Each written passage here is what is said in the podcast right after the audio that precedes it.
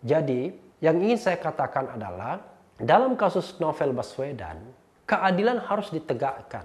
Harus dicari pelaku yang sesungguhnya. Orang yang tidak bersalah tidak boleh dihukum. Orang yang kemudian mengaku-aku tidak boleh dihukum juga, tapi tetap bisa diproses dengan tindak pidana yang lainnya.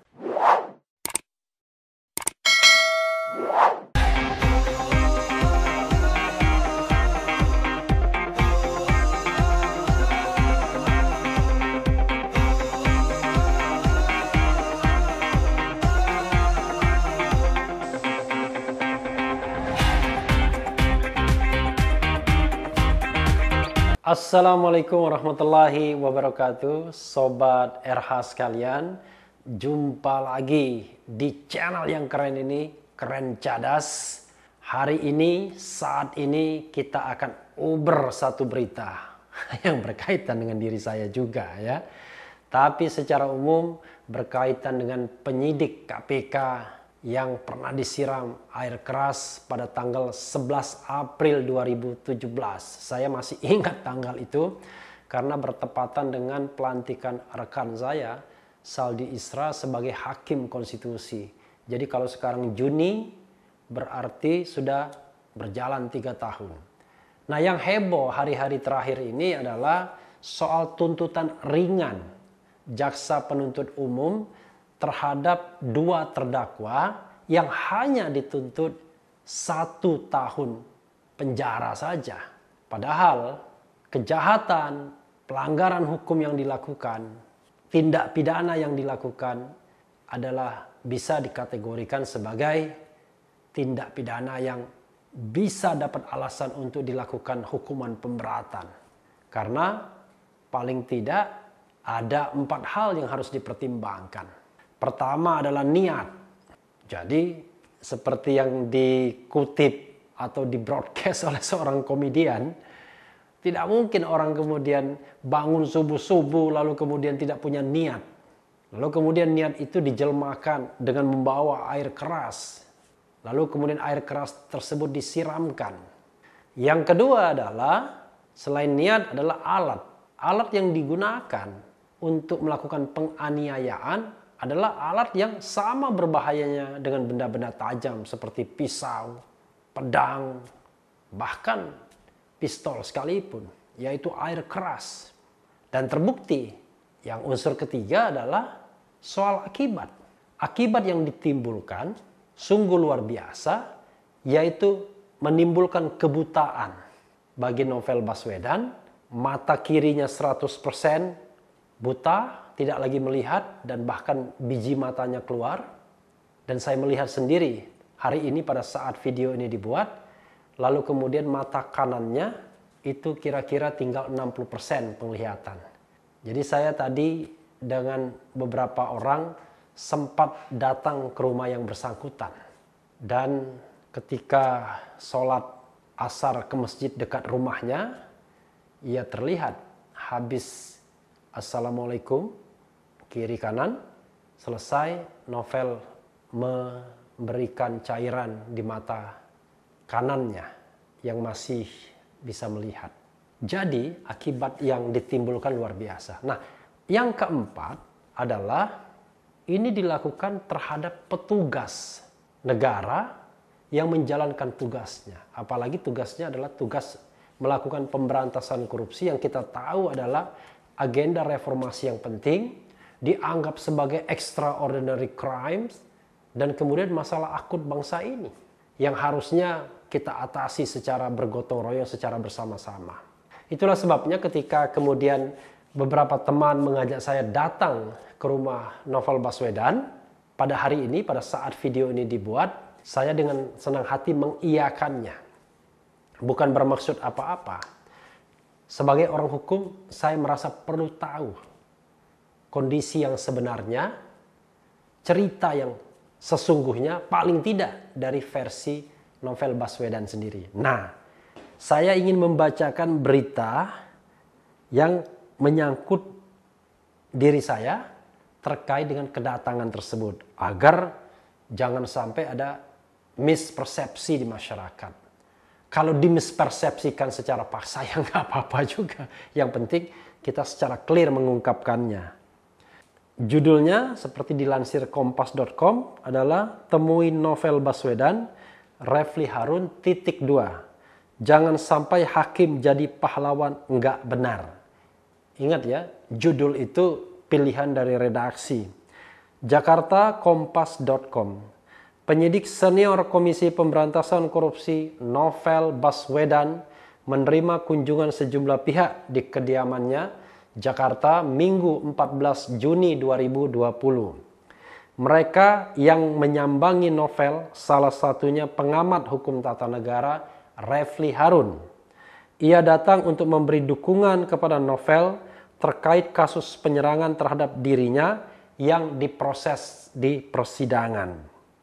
Saya datang mewakili pribadi, karena diundang ya saya datang. Tujuannya memang menunjukkan concern ya kan? Karena ini masalah menurut saya masalah hukum yang penting. Sebagai orang hukum saya pingin tahu duduk persoalannya. Kata Refli saat dihubungi Minggu 14 Juni 2020. Ya saya memang harus tahu persis. Karena apalagi kalau bikin konten YouTube seperti ini, kalau kita tidak mendapatkan informasi yang paling tidak menurut satu versi solid misalnya, ya kita kan susah untuk mempertanggungjawabkannya. Apalagi kasus seperti ini adalah kasus yang dimensinya tidak hanya hukum ansi tapi ada dimensi lain.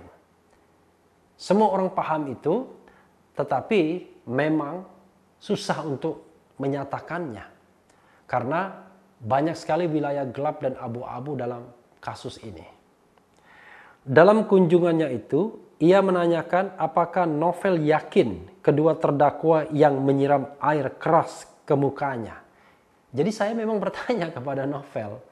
Dia awalnya merasa dilecehkan dengan tuntutan satu tahun penjara yang ditujukan kepada dua terdakwa tersebut. Karena dia mengatakan unsur-unsur pemberatan itu terpenuhi semua. Tapi saya tanya hal yang paling substantif. Apakah novel yakin bahwa kedua orang terdakwa tersebut memang merupakan orang yang menyerang dirinya pada tanggal 11 April 2017 alias sudah tiga tahun yang lalu. Menurut Refli, novel ragu kedua terdakwa itu yang menyiram air keras ke mukanya. Itu jawaban novel. Ia menilai kedua terdakwa harus dibebaskan dari tuntutan jika memang bukan pelaku sebenarnya. Jadi maksudnya saya yang menilai. Ya kalau bukan pelaku yang sebenarnya tidak boleh dihukum. Walaupun dihukum sehari pun. Namun, keduanya harus diperiksa lebih jauh agar otak penyerangan novel terungkap. Saya tanya, yakin nggak bahwa yang terdakwa itu pelaku yang sesungguhnya? Novel sendiri mengatakan tidak yakin. Nah, kalau menurut saya, kalau memang mereka bukan pelaku yang sesungguhnya, saya bilang, ya mestinya mereka dibebaskan dari segala tuntutan, ujar Refli. Jadi, jangan sampai kemudian hakim jadi pahlawan yang nggak benar. Masyarakat menganggap misalnya minta hukuman lebih, dihukumlah lebih dari tuntutan. Entah empat tahun, entah tiga tahun, atau misalnya maksimal, kata dia. Jadi sobat RH sekalian, jangan sampai ada tone di masyarakat yang menganggap bahwa yang adil bagi novel itu adalah kalau kedua terdakwa ini dituntut maksimal. Maksimal tuntutan 6 tahun misalnya, bukan satu tahun. Atau kemudian difoniskan, difonis hakim juga demikian. Bukan satu tahun atau bahkan kurang dari satu tahun. Jadi jangan-jangan persepsi adil di masyarakat seperti itu. Saya mengatakan kalau memang yang bersangkutan yang memang melakukannya. Kalau bukan, maka terjadi yang namanya peradilan sesat. Tetapi jangan lupa lanjutannya, mereka juga tetap bisa dihukum dengan delik memberikan keterangan palsu dan menghalangi proses hukum. Bukan berarti mereka kemudian bukan tidak bisa diselidiki, disidik lagi. Mereka kan kalau memang sengaja melakukan penyesatan begitu, berarti kan mereka melakukan tindak pidana yang lain ya. Menghalangi proses peradilan termasuk membohongi dan lain sebagainya, papar Repli. Diberitakan sebelumnya, dua terdakwa kasus penyiraman air keras terhadap Novel Baswedan, Rahmat Kadir Mahulete, dan Roni Bugis dituntut hukuman satu tahun penjara. Rahmat dianggap terbukti melakukan penganiayaan dengan perencanaan dan mengakibatkan luka berat pada novel karena menggunakan cairan asam sulfat atau H2SO4 untuk menyiram penyidik senior KPK itu. Sementara itu, Roni dianggap terlibat dalam penganiayaan karena ia membantu Rahmat dalam melakukan aksinya. Menurut jaksa, Rahmat dan Roni menyerang Novel karena tidak tidak suka atau membenci Novel Baswedan karena dianggap telah mengkhianati dan melawan institusi kepolisian negara Republik Indonesia dalam kurung Polri. Seperti kacang pada kulitnya karena Novel ditugaskan di KPK padahal dibesarkan di institusi Polri. Sok hebat, terkenal, dan kenal hukum sehingga menimbulkan niat terdakwa untuk memberikan pelajaran kepada novel dengan cara membuat novel luka berat, ujar jaksa seperti dikutip dari Antara. Atas perbuatannya itu, Rahmat dan Roni dituntut dengan pasal 353 KUHP ayat 2, Jungto pasal 55 ayat 1 ke 1 KUHP. Itu judul beritanya dari berita yang banyak beredar.